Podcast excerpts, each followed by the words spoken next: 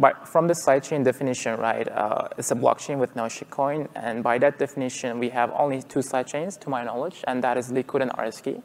Uh, I don't know any third option, to my knowledge. So things like, you know, uh, Thorchain and stacks and you know DeFi chain, all this crap. These are not side chains, right? These are uh, by that definition, uh, these are just centrally heavily pre-mined Ponzi schemes coined by the insiders. Uh, we, we If, if I may. Merhabalar, 21'in 20. bölümüyle karşınızdayız. Ee, bu bölüm daha çok Lightning ve e, işte Miami konferansındaki Open Source Stage e, gibi olaylardan bahsedeceğiz. Yani Bitcoin için ileride neler planlanıyor, soft forklarla karşılaşabiliriz. E, onların hakkında biraz. E, bugün Kemal'le birlikteyiz. Kemal istersen sen bize blok yüksekliklerinden Merhaba Şükrü. Ee, Şu anda buluştuk blok yüksekliği 703.373 ve aynı zamanda bir de Clark Moody'nin dashboard'una bakmam gerekiyor. Um, Şu anki Moskova time 25-26. Of. Yani biraz e, düştü yine ama hala 20'lerdeyiz. Yani e, 2526 Satoshi için 1 dolar e, veya 1 doları 1 dolar için 2526 Satoshi elde edebilirsiniz bugün de veya şu an. İyi bir discount aslında ya değil mi? Güzel bir indirim. Yani bu saat e, devamlı e, azalıyor ve elde ede 1 dolar karşılığında elde edebileceğiniz Satoshi'lerin sayısı gittikçe azalıyor. Ve dolar miktarı da gittikçe arttığı için yani bol bol e, Satoshi elde etmeye bakıyoruz biz. Evet. Devamlı. Bugün- E, E, istersen şeyden başlayalım ya. E, hani Lightning ile ilgili e, bir sürü açıklamalar yapıldı.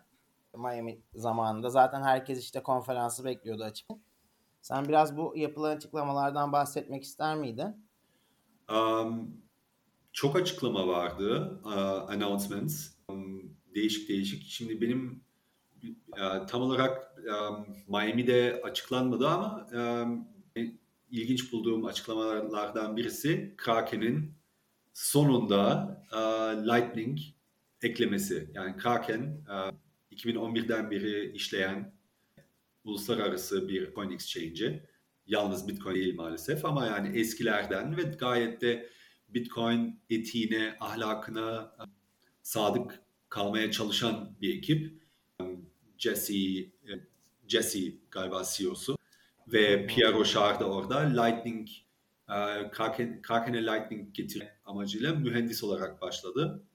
Galiba 2019 yılında. Um, 2019 Ve- evet.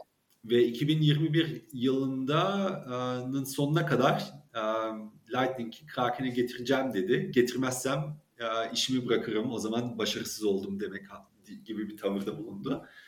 E, tabii 2021 geçti. Artık El Salvador gibi ülkeler Lightning kullanmaya başladı. Ve hatta zamanında ben de şakasını yapmıştım.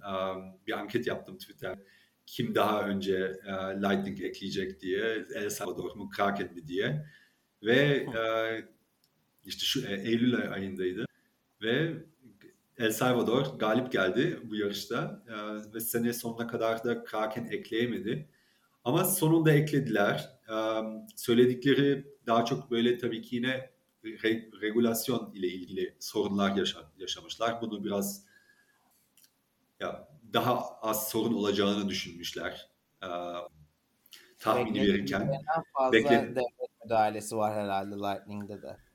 Evet yani e, müdahale var mı bilmiyorum da e, işte on, bir ex- öyle büyük bir exchange'in e, tabii regülasyonlara uyması gerekiyor.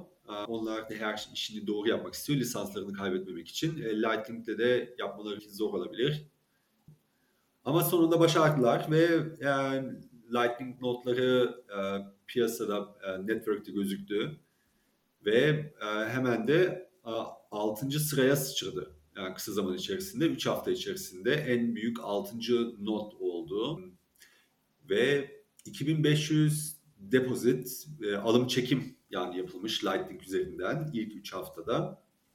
Ve bayağı bir başarılı. E, Şimdi Pierre artık ekledikten sonra e, rahatladı. E, ve gidip başkalarına, başka exchange'lere takılıyor Twitter'de. hay, haydi siz diyeceksiniz diye. Pierre bir ara işte Bitcoin'in savings yapmıştı hesabını. Çünkü hani Pierre Rocher olarak devam etmeyeceğim diyordu Lightning şey yapana kadar. Hala Bitcoin'in savings olarak devam ediyor sanırım. Ya Pierre gerçekten uğraştı ve e, bu. Biraz da ben şey gibi düşünüyorum. Bu son zamanlarda Jack Dorsey Twitter'dan ayrıldıktan sonra e, aslında Twitter üzerine ne kadar gücü olmadığını anladık ya. Bana biraz Kraken'de de Jesse öyle geliyor. Yani Kraken'de de e, şey patron şirketi değil tamamen. İşte hissedarlar var, yatırımcılar var, onlar var, bunlar var derken e, her şey çok da istediği gibi olmuyor diye düşünüyorum. Hatta bu Adapting Bitcoin konferansında bir Kraken'den birisi vardı. Kendisi şahsen e, gelmişti. E, Kraken firması El Salvador'u nispeten tehlikeli görüp işte sigorta ile ilgili sorunlar çıkmıştı. Ondan gitmek isteyen şahsi olarak gidebiliyordu. E, orada konuştuğum o kişi de şeyden bahsediyordu. Hani tam her zaman Jesse'nin istedikleri olmuyor ne yazık ki. Böyle e, üst düzey şirkette başka eğilimleri, istekleri olan firma e, şey kişiler de var ve e, onların da talepleri değerlendiriliyor gibi bir şey söylemişti bana. Öyle ona da selam söyleyeyim buradan. Yunan, İnanırım Yunan, yani. Yunan bir arkadaşımızdı. Evet bir de başka büyük bir anons vardı. Jack Mullers tarafından. Onun hakkında bahsetmek ister misin? Ee, ya Jack Mullers e, tabii şimdi geçen yılki e, beklentiyi çok yükseltmişti geçen yıl El Salvador'u açıklayarak. E, bu yılda aslında çok güzel bir hani açıklama yaptı. Şeyle Shopify ile anlaştılar. Aynı zamanda da e, farklı olarak da NCR diye bir post cihazları üreten firmayla anlaştılar. Onlarda da artık Strike yani Strike yani Strike kullanarak Lightning üzerinden ödeme yapılabiliyor. Ya da e, NCR Strike ile birlikte çalışıp arka plandaki settlement'ları yani işte para transferlerinin son halini gene şey üzerinden yapabiliyor. E, Bitcoin ağını kullanarak yapabiliyor. Şimdi bununla ilgili de şöyle bir şey var. E, şu an herhangi bir biz mesela post cihazı kullandığımızda e, kredi kartı kullandığımızda e, işte esnaflar ya da işte harcamayı yaptığımız kişi parayı hemen hesabında bulmuyor. İşte bir ay sonrasında e, ne geçiyor para. E, daha çabuk çekmek için de işte ekstradan bir yüzde bir buçuk bir ödeme yapmaları gerek. E, şimdi Visa, Visa Direct diye bir şey çıkardı. Daha Türkiye'de yok bildiğim kadarıyla. Ama bu da işte esnafların ya da işte e, post cihazı kullanan kişilerin ödemeyi anında almasını sağlıyor. E, bu tabi yani enflasyon arttığı yerlerde ve ortamlarda daha da çok tercih ediliyor. İşte %8 enflasyonla sen e, işte 12 ayda alırsan aslında bir değer kaybetmiş oluyorsun. Yani daha da önemli bir hale geliyor. E, Jack Dorsey'nin NCR ile yaptığı çalışmada ise gene aslında Visa Direct'te rakip olacak bir ürün çıkardılar. E, ama şeyler e, Visa'dan çok daha düşük olacak ücretler. Çünkü Visa ayrıyetten işte fraud, işte dolandırılmayı engellemek için bir fee koyuyor vesaire koyuyor ama Lightning ile anında zaten banka altyapısı kullanmadan e, gönderiyi yaptığın için çok daha ucuza mal edebiliyor. Bu çok önemli bir aşama bence. E, yeteri kadar üstünde durulmayan ama önemli bir aşama. NCR'da çok büyük bir firma. Türkiye'de de post cihazları var. Daha doğrusu bankacılık e, altyapısında da kullanılan bir firma. İşte ATM'lerinden tutun işte başka hardware'ler de üretiyorlar bankalar. Böyle bir açıklama vardı. Anladığım kadarıyla NCR um, Amerika'daki esnafların üçte birinde kullanılıyor. um, yani bayağı büyük bir sayı. Hatta daha bile fazla olabilir. Ve bunlar artık bundan sonra bu anlaşmadan sonra um, elektronik post cihazlarıyla uh, Striker seçip Bitcoin ve Lightning ödemesi kabul edebilecek. Yani bir müşteri geldiği zaman e, herhangi bir e, süpermarkete benzin e, NCR kullanan Bitcoin ile Lightning ile ödemek istiyorum veya Strike ile ödemek istiyorum dediğinde post cihazı hazırda olacak. Yani onu uygulama yani bir dahaki yeni upgrade ile veya update ile bütün post cihazlarına dağıtılacak. Tabii yazılımsal olarak Lightning kullanabilir hale gelecekler. Hani yeni bir donanıma ihtiyaç olmadan. E şimdi NCR alternatif de mesela şey e, Square'in de e, şeyi var blok e, şey e, Square'in de ödeme blok oldu gerçi şu anda adı. Onların da e, küçük esnaflar vesaire için, kobiler için e, çıkardığı bir post yazı vardı. Hani çok yakın zamanda bu zaten yani aslında Lightning ile Bitcoin bir yerde çok kolay e, ulaşılabilir hale geliyor. Özellikle. Benim de gözüme ilişen yani um, yorumlardan anladığım kadarıyla özellikle yani bu e, Bitcoin kabul edebilen esnaflar bu NCR üzerinden Bitcoin tutmak zorunda değiller. Yani istedi isterlerse tutabilirler galiba ama genelde tercih dolara çevirmek olacak. Yani e, yalnız bir ödeme payment rail olarak kullanılacak Lightning ve o orada da dediğin gibi Visa Direct ile yarışıyor. Çünkü ve ondan da çok daha ekonomik ve uygun ve anında settlement tabii ki. Um, ilginç. Um, evet dediğin gibi Square tabii ki um, o da çok büyük bir POS um, satıcısı, Sağlıklısı. uh, sağlayıcısı uh, Amerika'da ve uh, onla ve o da uh, bloka bağlı. Yani blokun bir um, alt şirketi. Cash App'in olduğu gibi. Cash App kendisi şu an Amerika'da 35 milyon kullanıcısı var ve um, geçen ay e, hatta bunu da Miami'de anons ettiler. Miles Suter galiba Miami'de anons etti. Birkaç e, ba- başka anonslarla birlikte Lightning entegrasyonu yaptılar Cash App'e. Yani Cash App kullanıcıları 35 milyon kullanıcı Lightning'e erişiyor artık. Yani anında yani bir, en son update ile e, Lightning ile Bitcoin gönderip yani veya ve Bitcoin alabiliyorlar. E, yani gayet gayet büyük bir olay. E, bunun yanında Robinhood um, hatırlayanlar e, GameStop zamanında e, işte küçük yatırımcıların hisse alma kullandığı uygulama galiba Amerika'da Evet, yine. E, onlar da geçen sene Bitcoin alım satım imkanı sunmaya başladılar ve Miami'de Lightning ekledi, ekleyeceklerini de açıkladılar. Yani onların da milyon kullanıcısı var. Um, ve öyle şimdi de e, Arcane Research'in e, State of Lightning diye ra- raporu var. E, işte birincisi ilk e, rapor e, geçen yıl Ekim ayında çıkmıştı galiba. Şimdi Evet. ikinci rapor çıktı e, iki hafta evvel ve onların hesaplarına göre geçen yaz yani 2021 yazda e, Lightning'e erişimi olan kullanıcı sayısı 100 bindi dünya çapında. E, Şimdi Mart 2022'de bu sayı 80 milyon kullanıcıya çıktı. Yani bayağı Ama 100 bin büyük bir artış. çok, e, ya bu 100 bin sayısına dahil olanlar herhalde sen ben gibi işte ya da Wallet of Satoshi, Blue Wallet vesaire indirip kullanan insanlar dahildi herhalde değil? Yani Lightning'e herhangi bir türlü erişimi olan. Tabii ki şimdi e, diyebilirsin e, Telegram'da mesela e, LNTX bot var. Eğer ki Telegram uygulaman varsa aslında Lightning'e erişim çok kolay. Ama onu saymadılar. Yani Telegram kullanıcılarını saymıyorlar orada. Halbuki orada da Lightning erişimi var. LNTX bot kullanmak istersen. Ama mesela o imkan WhatsApp veya Facebook'ta yok. Um, um, Evet. ama ya anladığım kadarıyla yani gerçekten Lightning'i uygulamasında um, öyle e, LNTX bot biraz hacky, e, işte mesajlı bot ile mesaj açıyorsun. Öyle mes- e, custodial Lightning kullanabiliyor. E, onu saymadılar. İşte yalnız e, gerçekten uygulamaya eklenmiş e, Paxful da bu arada Lightning ekledi. Yani e, sayının artışı gayet e, mantıklı geliyor. Bu arada Potansiyel olarak şey de aslında hani şey bir yerde likitte sağlama onun için çalışan çok daha fazla insan var.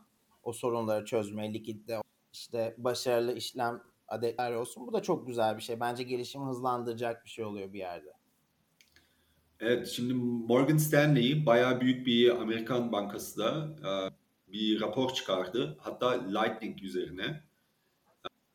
Okudun mu hakkında bir şeyler? Ee, okudum onu. İşte senle de konuştuk zaten. Alex Gladstein paylaşmış. Ee, bu da işte NCR'dan bahsediyor zaten. Visa Direct'le Direct'e rakip olmasından bahsediyor ve son kullanıcılara ve merchant'lara işte tüccarlara ya da esnaflara sağlayacağı avantajlardan bahsediyor. Ee, yani bir yerde aslında privacy'yi de arttıran bir şey olduğunu söylüyor. Ee, privacy ile ilgili konuları da istersen şeyde birazdan ondan da bilim. Hani Lightning nasıl e, e, tabii Morgan Stanley'nin raporunun sonunda da şey e, ortalama ev fiyatlarının 2015'te 993 Bitcoin olup şu an 8.27 Bitcoin'e düştüğünden bahsetmesi var.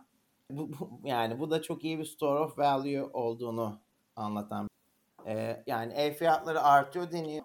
Ama e, eğer işte orada medium of exchange'in pardon unit, unit of account'un yani işte e, değer birimin dolarsa eğer değer birimi senin son işte 7 yıl içinde Bitcoin ise için alım senin alım gücün, ev alım gücün katına çıkmış her şeye rağmen. Artan fiyatlara rağmen verdiği.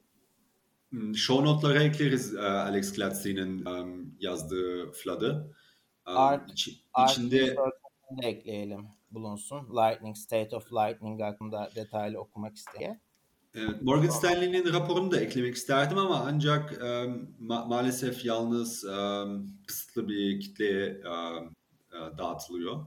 Uh, ben de erişemedim. Um, ama eğer ki birisi bulursa lütfen paylaşsın Telegram grubumuzdan. Um, 21 Bitcoin Telegram'da. Buyurun gelin eğer ki elinize geçiririm. Ve um, benim ilgimi çeken de bir şey işte Morgan Stanley'nin genelde um, Lightning e, odaklı bir rapor çıkarması ve e, uzun vadede Amerikan Birleşik Devletleri'nde ve dünyada e, dolardan e, Bitcoin gibi kripto paralara yönelik bir dönüşüm olduğunu e, vurgulamaları ilgimi çekti. E, yani Morgan Stanley gibi bir tradisyonel banka tarafından bu tür şeylerin duyulması e, çok ilginç ve raporun kendisinde de işte Gladstein'in Flood'ında söylediği gibi bu rapor e, Jack Manners'ın e, Miami'deki yaptığı anonsu ile e, Şeyi bilsek güzel olurdu raporu hazırlayan kim yani bazen ne bileyim işte e, Ark'ın raporunu Yasin Elmandre var o hazırlıyor mesela. Yani bunlar acaba kime hazırlar ama o, öyle bir bilgi yok bende. Um, Arcane Research galiba Yasin Elmandra değil. O um, Ark Invest. Ark de. Invest pardon pardon. Um, Arcane Research'te Anders Helvet e, raporu hazırlıyor bildiğim kadarıyla. Ve bizim de katkılarımız yani de, değişik değişik Bitcoin e, şirketlerinden bu arada Galoy, OpenNode, um, Lightning Labs yani herkesle um, irtibattalar, konuşuyorlar ve bilgi istiyorlar e, bu raporda. Her bütün ekonomik şirketler elinden geldiği kadarıyla destekliyor, e, verileri paylaşıyor. Ama tabii ki ancak bu kadar veri paylaşılabilir. Özellikle yani Lightning'de um, ne kadar büyüdü, kaç e, kaç tane işlem oldu falan e, bunları tahmin etmek hepsi tahminde kalıyor, ölçülemiyor çünkü. Çünkü bu da yani Lightning Network'ün getirdiği işte privacy dediğimiz mahremiyet koruyucu yapısıyla bağlı. Mesela, ve onun yani Wallet of Satoshi'de kaç işlem yapıldığını eğer onlar açıklamazsa sen bilemiyorsun. Hani takip edemiyorsun normal Blockcoin'in.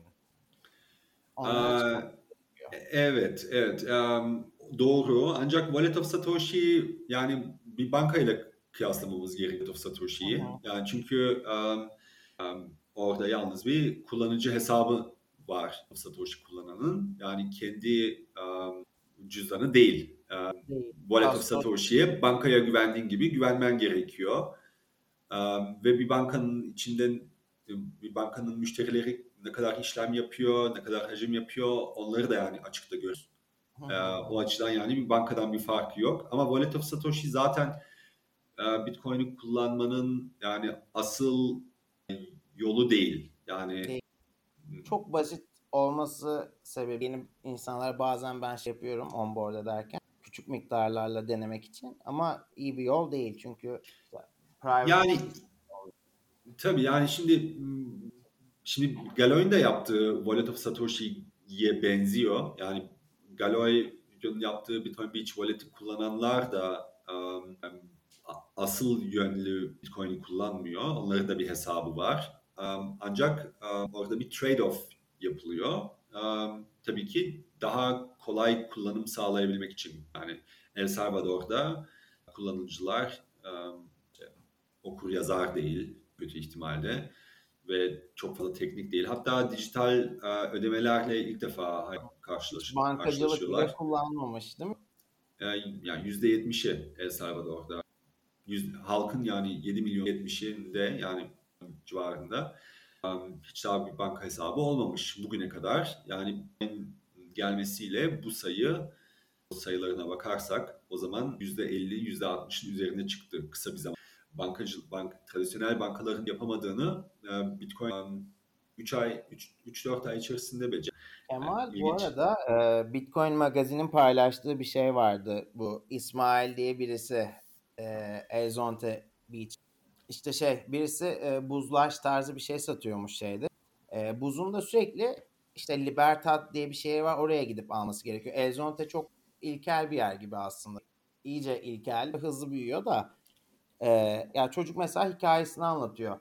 E, ben işte para kazandım, paramı biriktirmeye başladım. E, Bitcoin olarak tuttum bir kına. Sonra gittim kendime bir tane buz makinesi aldım. İşte ödemeleri almam çok daha kolaylaştı derken şimdi ev sahibi olmaya doğru gidiyor. Onun hikayesi vardı. Çok da güzel bir hikayeydi bence. Ee, sizin de orada bir katkınız var. Tabii Bitcoin Beach e, Um, girişimine başlayarak bir yerde. Evet, o, o genç bir çocuk galiba. Um, 17 ben de- yaşında. e, genç bir girişimci. Um, güzel bir hikaye. Tabii ki um, şimdi bu insanlara birikim yapmak için bir um, birikim yaptığın zaman da yatırım da yapabiliyorsun. Uh, ve bir oranın piyasasında bir uh, boşluk görmüş ve o boşluğu doldurmak için girişime, girişimde bulunmuş coin, bitcoinler ile bir iş kurmuş. Yani bunu um, genelde yani çoğu yani genelde çok gözetleniyor bu e, gelişmeler. Yani ilk önce birikim, e, yani birikim olmadan yatırım yapmak mümkün değil. E, girişimci olmak için de ya- yatırım yapmak. O zaman O birikimle başlıyorsun. kıstı ki birikim yaptı ve sonunda bir işe çevirdi bunu bir yerde. Bir durum oldu. Bir de mesela şey e, yani sırf şey de değil e, birikim yapmak değil yapabilme imkanı da sağladı aslında. Hani Elzonte ve şeyle oluşan popüler. Bizim de ciddi miktarda arttı bölgeye. Yani bir sürü insanın gerçekten hayatı değişti orada. Evet, olumlu bir şekilde ve değişmeye de devam ediyor. Şimdi bakalım yani ben merakla izliyorum, takip ediyorum orada olan bitenleri. İşte mesela şimdi şu anda merchant POS, POS yani talebi geldi. İşte biraz daha gelişmiş bir POS olsa iyi olur dediler. Yoksa başka diye bir haber geldi veya bir talep geldi.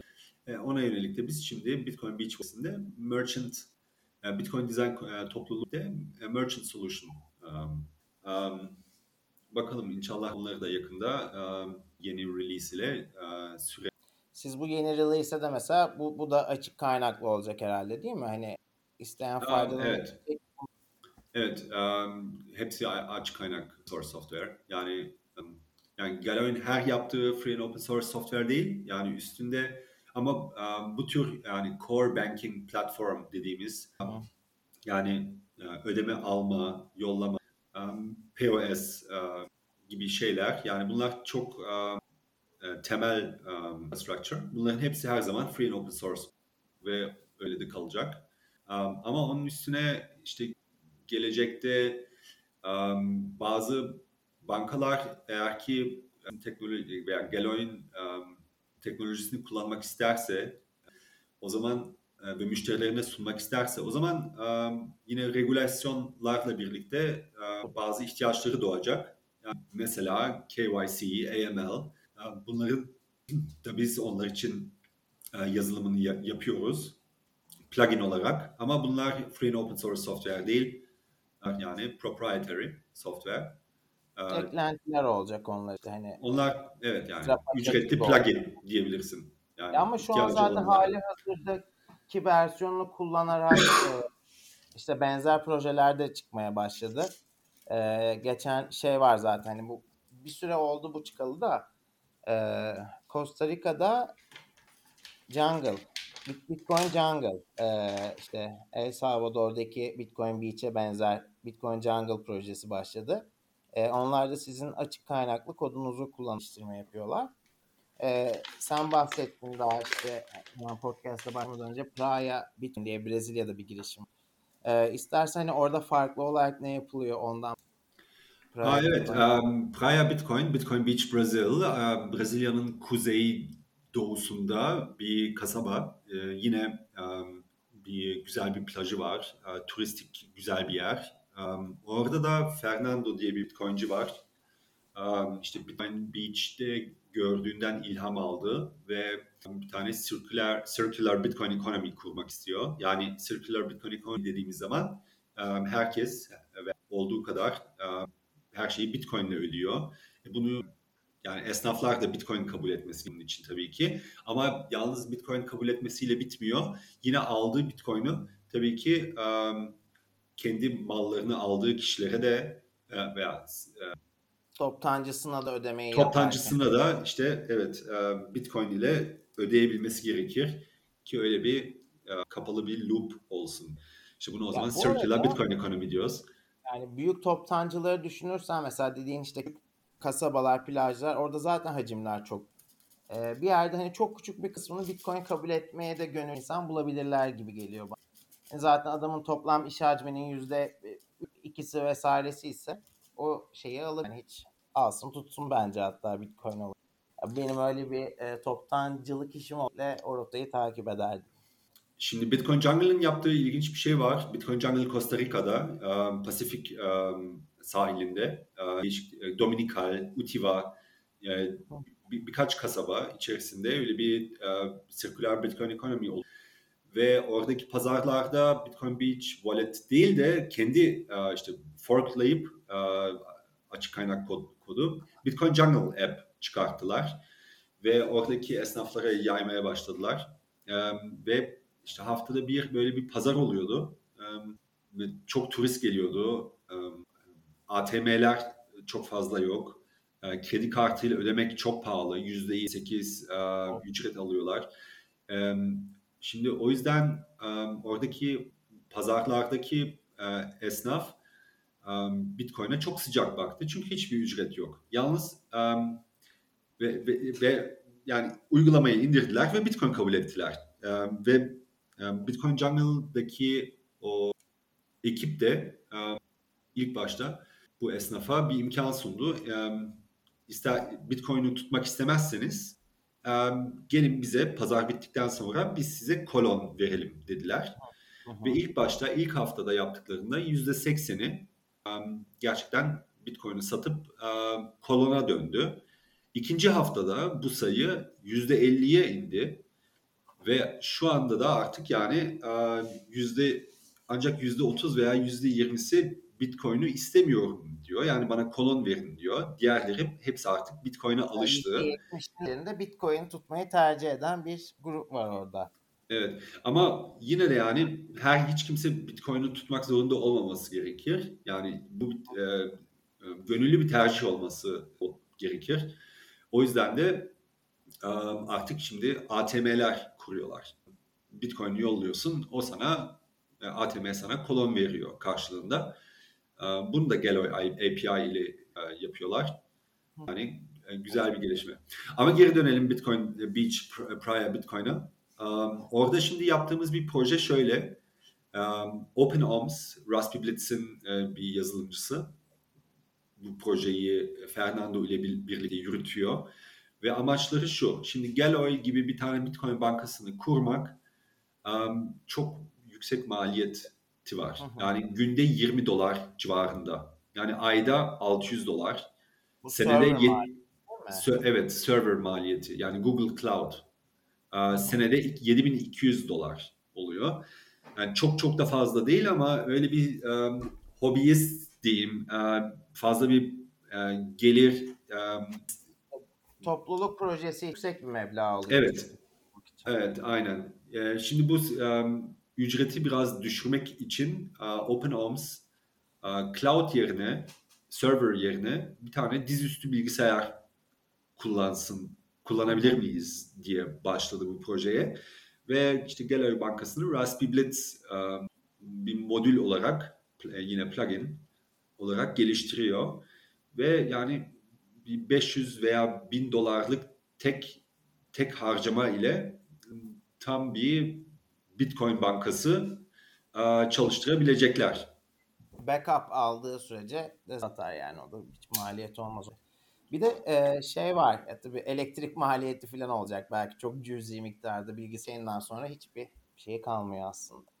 Ya eğer ki yani ilk bir başlangıç için yani bin dolar hiçbir şey değil. Ee, yani e, şirket tamamen... kurmaya kalksan ona yakın bir şey ödüyorsunuz. Ya, hadi Türkiye ucuzladı e, doların artmasıyla birlikte ve gerçekten hiçbir keşke bizde de ödemeler yasak olmasa biz de bir tane e, işte bin dolarlık yatırım yapıp bir komünite şeyi açsak yani. İsterim onun bir gün olmasını. Aklımda da onunla ilgili güzel bir komünite var. Türkiye'de bir dalga sörfü komünitesi var. Bayağı bir köy aslında.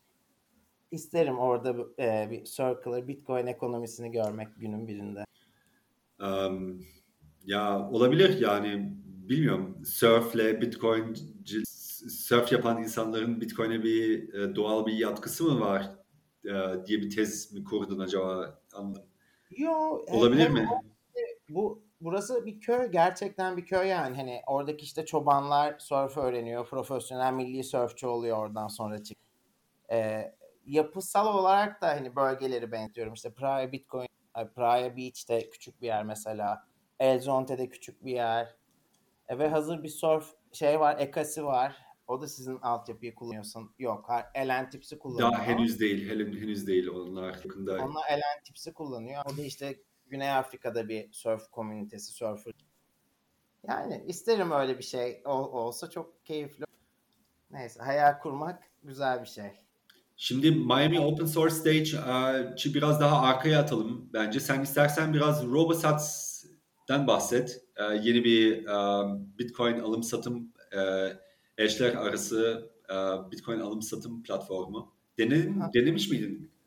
Ya denedim de şöyle denedim yani daha bir alım satım gerçekleştirmedim. Bir tane şey açtım orada. İşte Amazon gift card satma ile ilgili teklif açtım. E, ama kimse cevap vermedi çünkü Amazon.com.tr şeyi açmından dolayı kimse cevap vermedi. Ama Robosat Tor üzerinden bağlandığım bir tane internet sitesi. Sana bir e, bir işte kimlik veriyor, oluşturuyor. Sen o kimliğin işte oluştu tekrardan yaratabilmen için şeyini kopyalıyorsun. ID gibi bir şey var. Onu kopyalayıp tekrardan canlandırabiliyorsun o kimliği. Ee, ve ondan sonra da işte e, pozisyonlar şey alım emri veya satım emirleri var. Orada ben mesela şey dedim işte ben e, 50 dolarlık yok 150 liralık e, şey satacağım Amazon.com.tr gift card satacağım. Karşılığında da Satoshi bekliyorum. E, tabii dönüş olmadı ona. Benden başka kaç Türkiye'den giren olmuştur bilmiyorum. Ama bir dönüş olmadı. Zaten 24 saat sonra da kapanıyor teklifler. E, ama insanlar alım satım yapmaya başladı ufak ufak aralarında. E, bunun güzelliği de şu. Yani direkt Tor üzerinden, Tor browser'dan bağlanıyorsun. Nereden bağlandığın belli. İsmin yok, cismin yok. E, öyle bir sistem yapmışlar. Ben genelde... Amazon gift card e, haricinde Türkiye'de nasıl kullanılabilir? E, bu sistem? Normal şey, banka banka havalesiyle de kullanılır mı? Tabii banka havalesiyle de kullanılır, paparayla da kullanılır, her şeyle kullanılır. Yani gerekli olan tek kullanıcılar, kullanıcıların kullanması. Evet. Bir avantajlar mesela, ne? E, avantajlar işte sen kime sat ya gift card olunca bir kere şey çok daha güzel. Senin takip edilebilirliğin çok daha yani ya banka realına girmemiş oluyorsun. Hani ben niye X bir şahsa banka kullanarak para göndereyim. Yani çok tercih ettiğim bir şey değil benim şahsen. E, çünkü işte o kişinin hesabının masak tarafından takip edilip edilmediği hiçbir şey bilmiyorum hakkında zaten. O başıma belki iş açabilir. Ondansa ben mesela gift card kullanmayı tercih ederim şahsen. E, ama yani RoboSats kullanmanın avantajı Tor üzerinden zaten nereden girdiğim belli değil.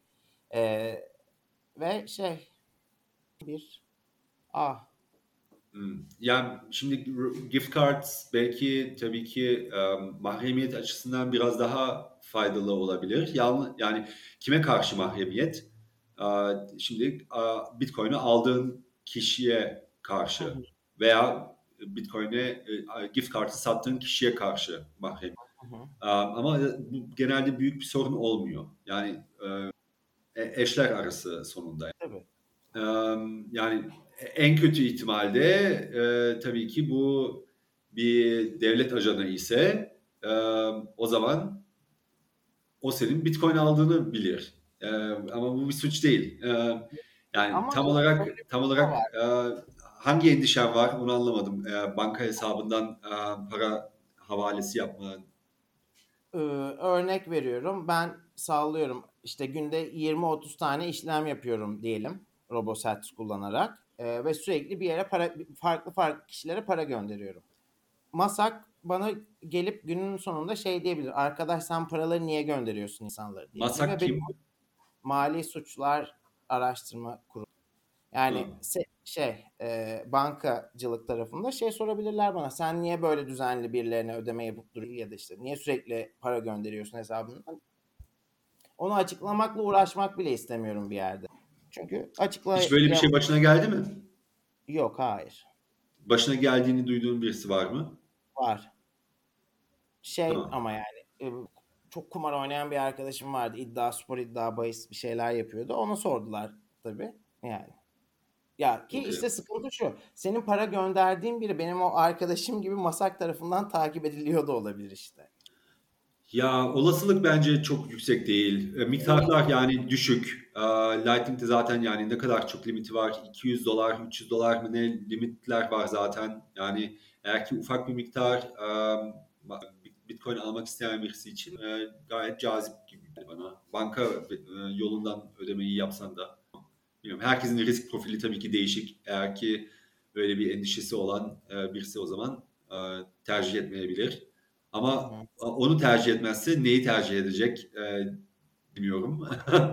yani ya bir de şöyle bir güzellik var bu arada. Ee, hani gift card alarak e, şimdi bazı yerlerden gift card alınca e, Satoshi back yapıyorlar bir de sana. Yüzde iki, yüzde üç. E, sen onu da şey yaparsan aslında hiç fee, ekstra premium koymadan da alım satım yapıyorsun yani. Çünkü zaten yüzde iki, yüzde üçlük bir avantajın oluyor bir yerde gibi düşünebilirsin.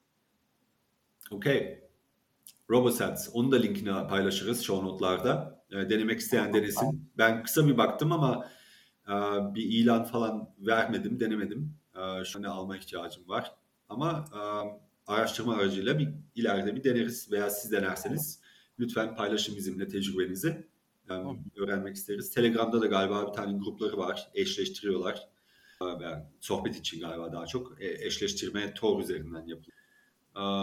İlginç güzel bir proje. Tabii ki yine Bitcoin'in daha merkeziyetsizleşmesi açısından güzel bir gelişme ve yazılımcılar da tamamen kimliksiz, anonim yazılımcılar. Yani gerçekten güzel.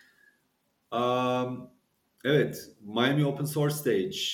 Takip ettin mi yayınları? Ben kendim bu sene gitmedim. Yani geçen sene de gitmedim. Ondan evvelki sene de gitmedim. Geç, gelecek senelerde de gitmeyi düşünmüyorum. Çünkü bana göre bir konferans değil. Çok fazla hype e, ve çok fazla e, ne bileyim gürültü. E, ama e, open source sahnesi e, çok sinyal dolu idi.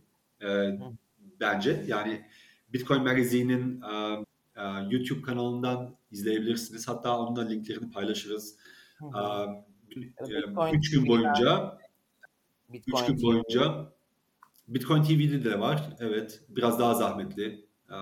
E, ama hiç olmazsa reklam arası yok.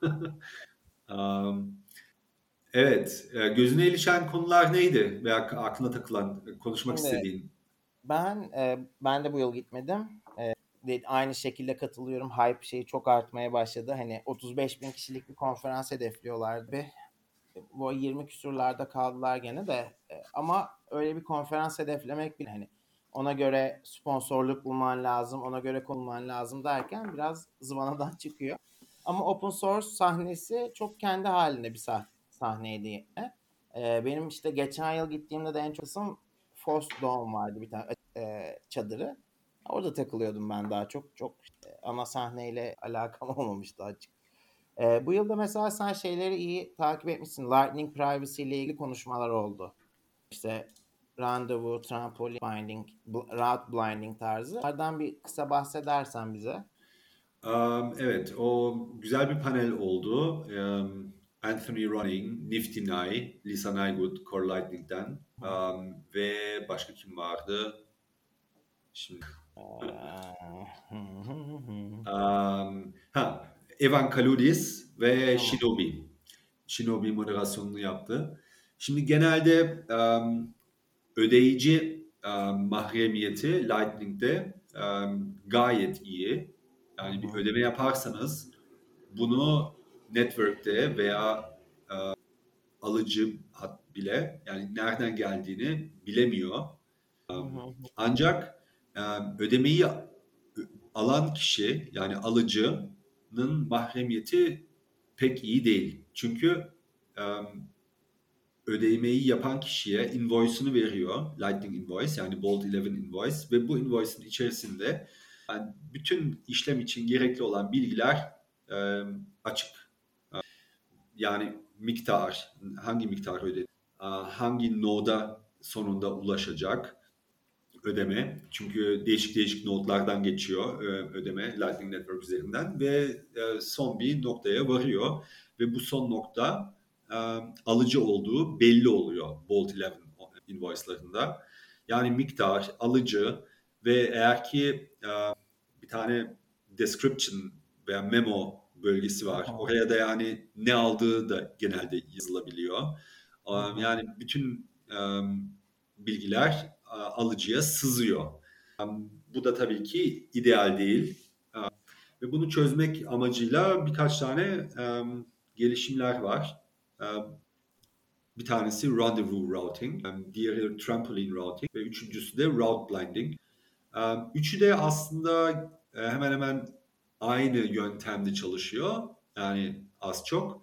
Genelde bir alıcının verdiği invoice'ın içerisinde bir kendi bilgisi değil de yol ödemeyi yaparken yani belli bir yere getir diyor. Oradan da bana ulaşır hesabında. Ama alıcı o belli noktaya getirdikten sonra nereye gittiğini bilmiyor. Yani öyle bir a, yöntem ile alıcının da mahrem koruma arayışındalar. Um, da randevu ismi bile zaten şey yani hani randevu noktası gibi bir yerde düşünebilirsin. Evet. İşte değişik değişik e, ufak tefek e, değişiklikler var ama genel prensip e, üçünde de e, aynı.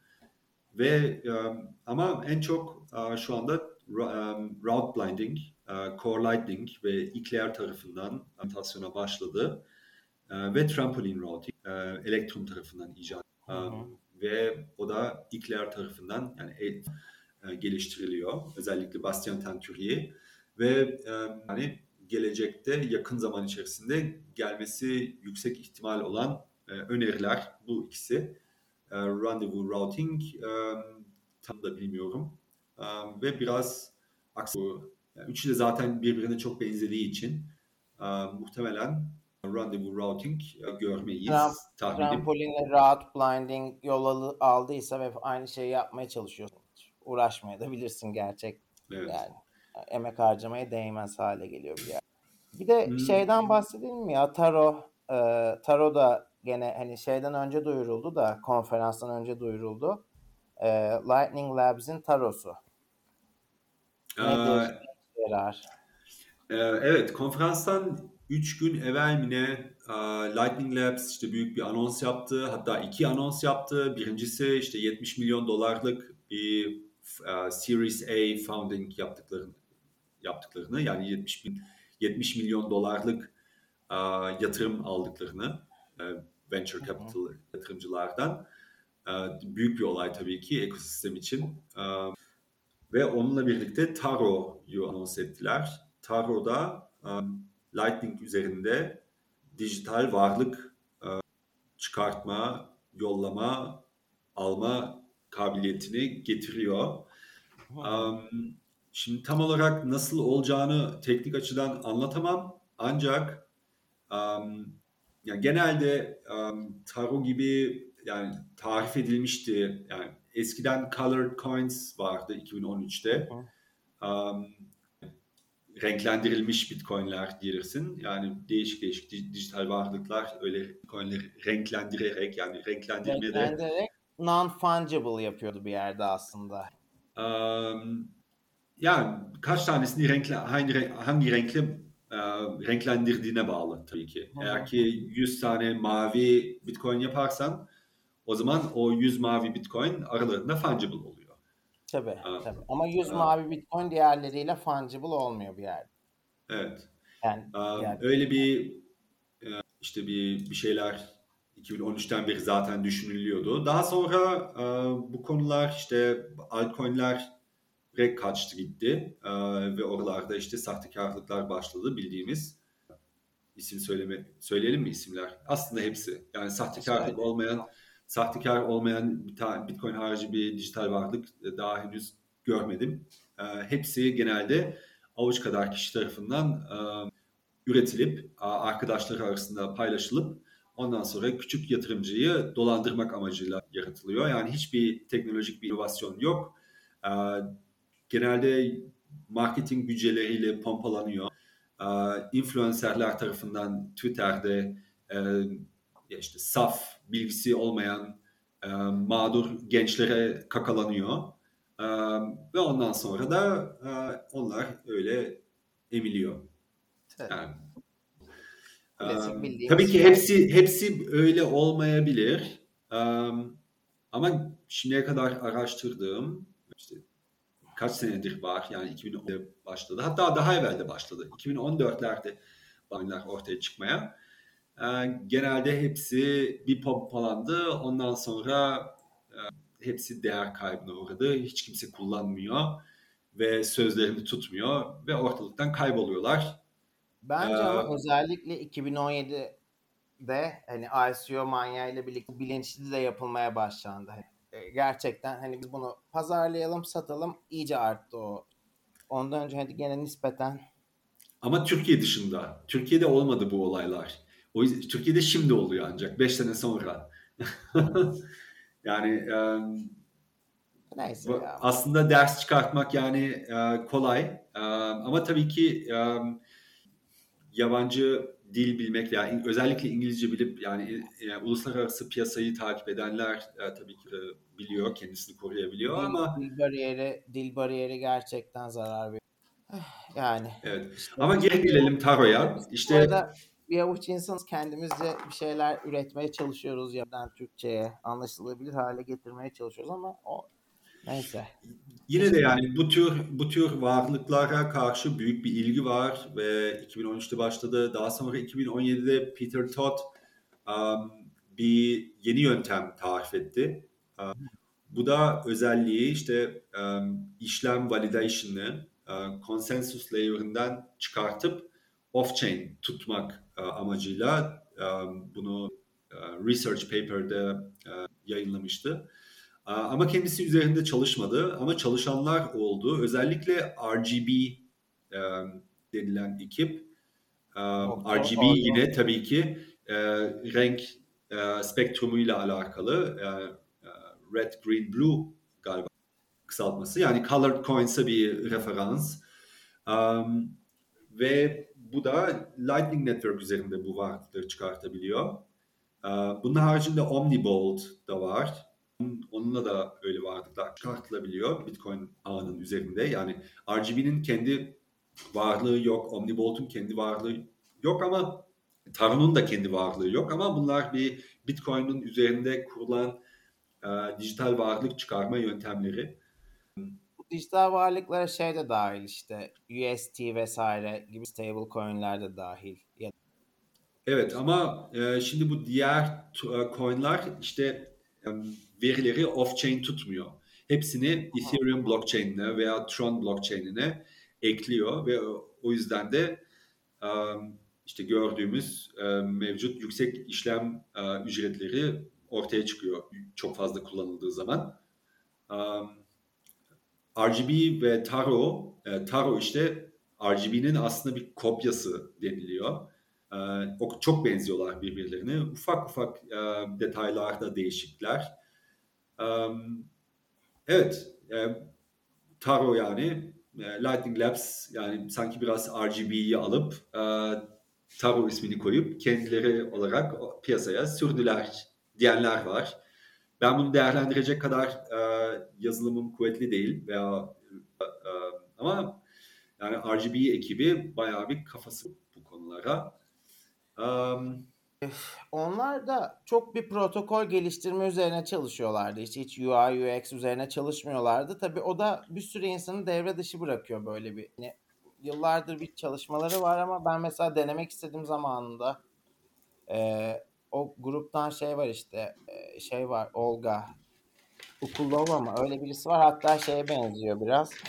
E, ay, eski Trezor'un şeyi vardı Neyse ismini hatırlamıyorum şu anda.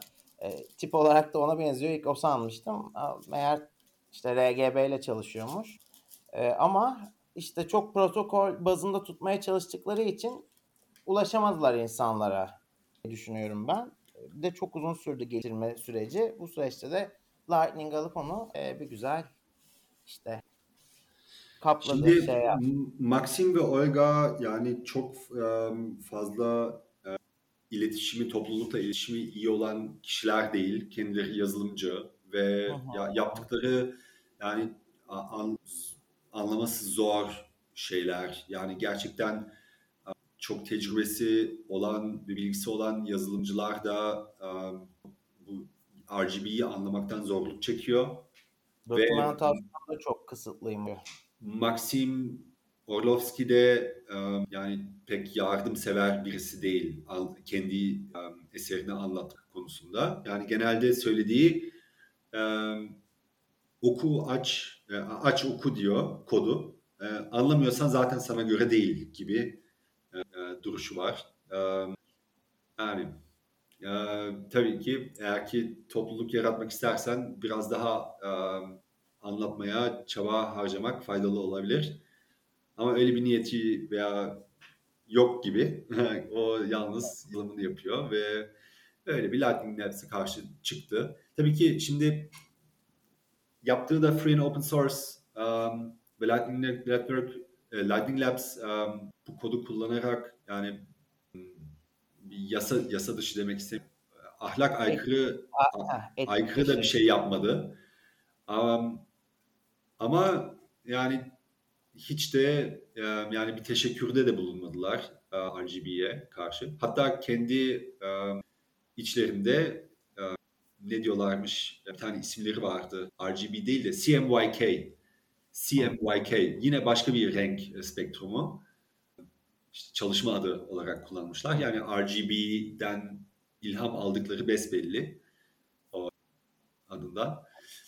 Um, bilmiyorum. La, zaten Lightning Labs yani um, çok etik bir aktör değil. Um, benim gördüğüm kadarıyla. Um, öyle bir acayip şeyler yapıyorlar. İşte. Ama klasik bu da yani e, hani bunu paylaşmamız da şey yani. Bu da bir klasik e, Twitter draması oldu biraz.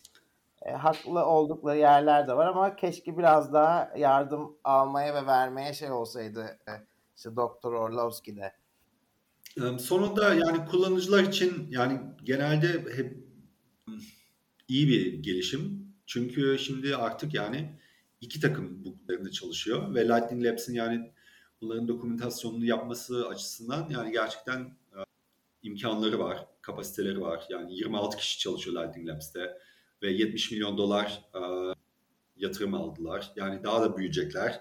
Öte yandan RGB ekibi e, yani dernek olarak çalışıyor. Yani bağıştan geçiniyorlar. Hı. evet. Bu arada güzel bir haber sen biliyor musun bilmiyor musun bilmiyorum. Ee, bizim meetup'lara da gelen iki kişi e, Başar Can'la Ata e, Lightning seminere katılmaya başladılar Chain Code Labs'in. Evet. Haberim yoktu. Evet, evet. Ben de geçen gün Başar Can'ı aradım ne yapıyorsun diye. Abi işte şeydeyim dedi e, Chain Code'un sunumundayız dedi. Hatta aynı grupta olduğum Ata var dedi. Ata ile aynı gruba düşmüşüz dedi. Çok iyi. Öyle o çok hoşuma gitti ya yani. De. Çok sevindim gerçekten. Yani tebrikler gençler eğer ki dinliyorsanız. Ee, gerçekten çok güzel. Ee, Chain Code Labs çok sağlam bir adres. Um, ama um, seminerleri de sıkı. Uh, o yüzden uh, dişlun. Uh, ama oradan çıkanlar yani yolu açık oluyor genelde. Yani, o kadar çok yazılımcıya ihtiyaç var ki uh, ekosistemde.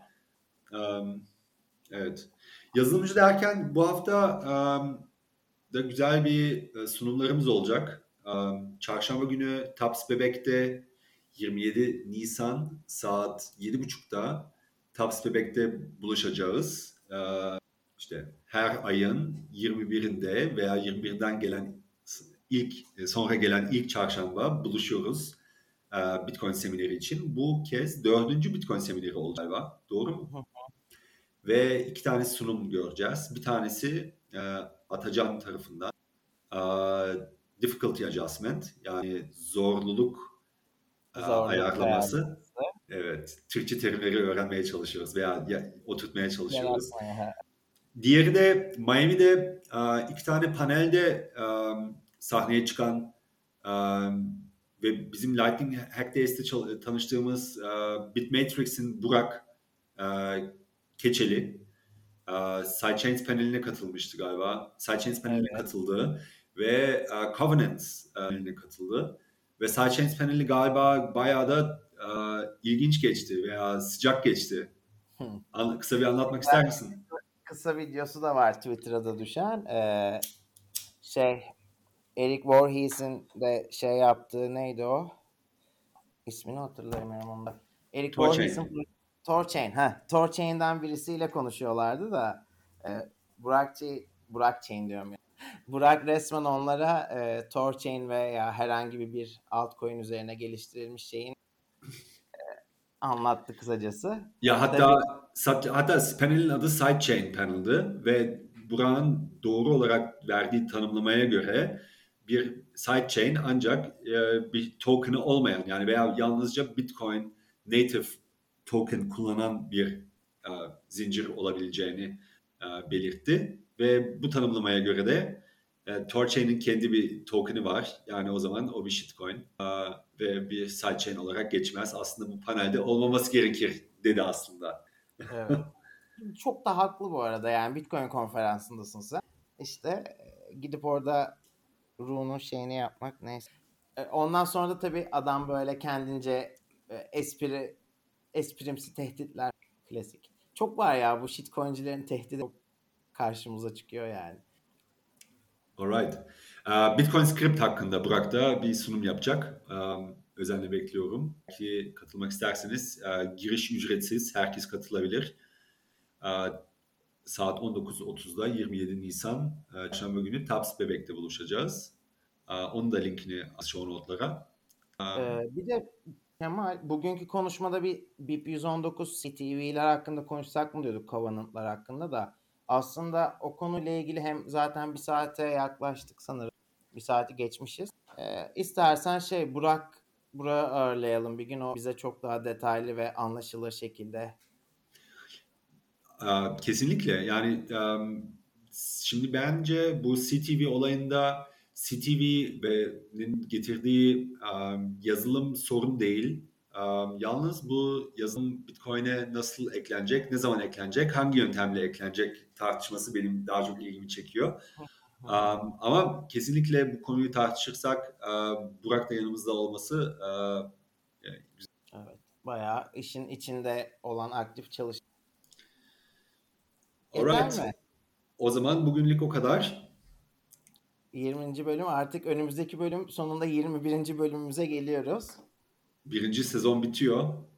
Heh. Bir sene oldu. Bayağı yavaş gittik ama bir Biz sene içerisinde aslında- 21 bölüm. Ama biz halving yapmayalım. Birinci sezondan sonra doubling yapmaya çalışalım. Bir yıla. 42 bölüm sığdırmaya çalışalım. Bilmiyorum şimdi. İki sezon yapalım diyorsun. Okey. Deneyelim. Aynen. Aa, yalnız e, işte topluluktan da e, desteğe ihtiyacımız olur o zaman. Ama gittikçe de büyüyor güzel bir şekilde. Geliyor yani.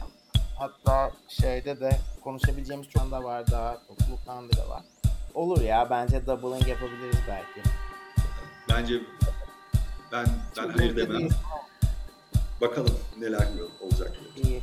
Tamamdır. O zaman çarşamba görüşmek üzere. Herkese iyi akşamlar.